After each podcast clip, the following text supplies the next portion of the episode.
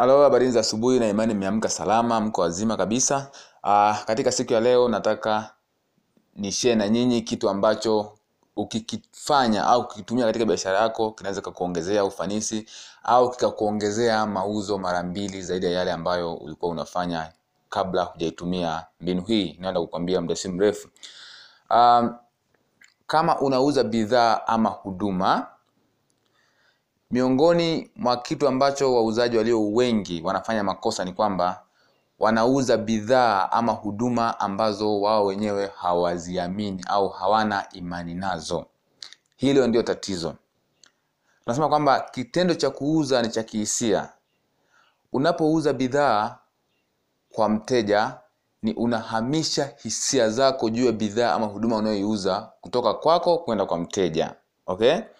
Hivyo sasa ukitaka kuuza bidhaa yoyote ile iwe huduma ama iwe huduma au bidhaa yoyote ile ambayo ipo sokoni unaiuza fanya kitu hichi hapa ambacho kitakusaidia sana okay?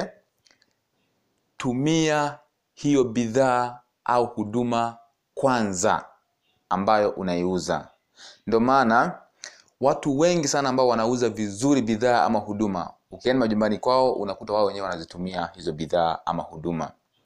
Na kati ya wale ambao wanafanya vibaya katika soko aidha la, kuuza bidhaa ama huduma miongoni mwa walio wengi zaidi ya asilimia tisini hizo hiyo vitu ambavyo wanaviuza hawavitumii. Okay? Hivyo basi ukitaka kuuza kitu chochote kwa urahisi zaidi na kuweza kumwelezea mteja wako ili aweze kukuelewa vizuri na kuweza kununua bidhaa ama huduma njia iliyo sahihi ni kuanza kwanza kuitumia wewe mwenyewe hiyo bidhaa ama huduma unayoiuza. Kwa sababu unapoitumia hiyo bidhaa au huduma unaijua vizuri kuliko mtu yoyote ile. Unavaa viatu vya mteja kwa hiyo unakuwa katika upande wa mteja kwa hiyo utakuwa unajua kabisa kipi niongee na kipi nisiseme. Kipi ambacho kinakupa furaha zaidi kwenye hiyo bidhaa huduma yako kwa sababu unaitumia okay?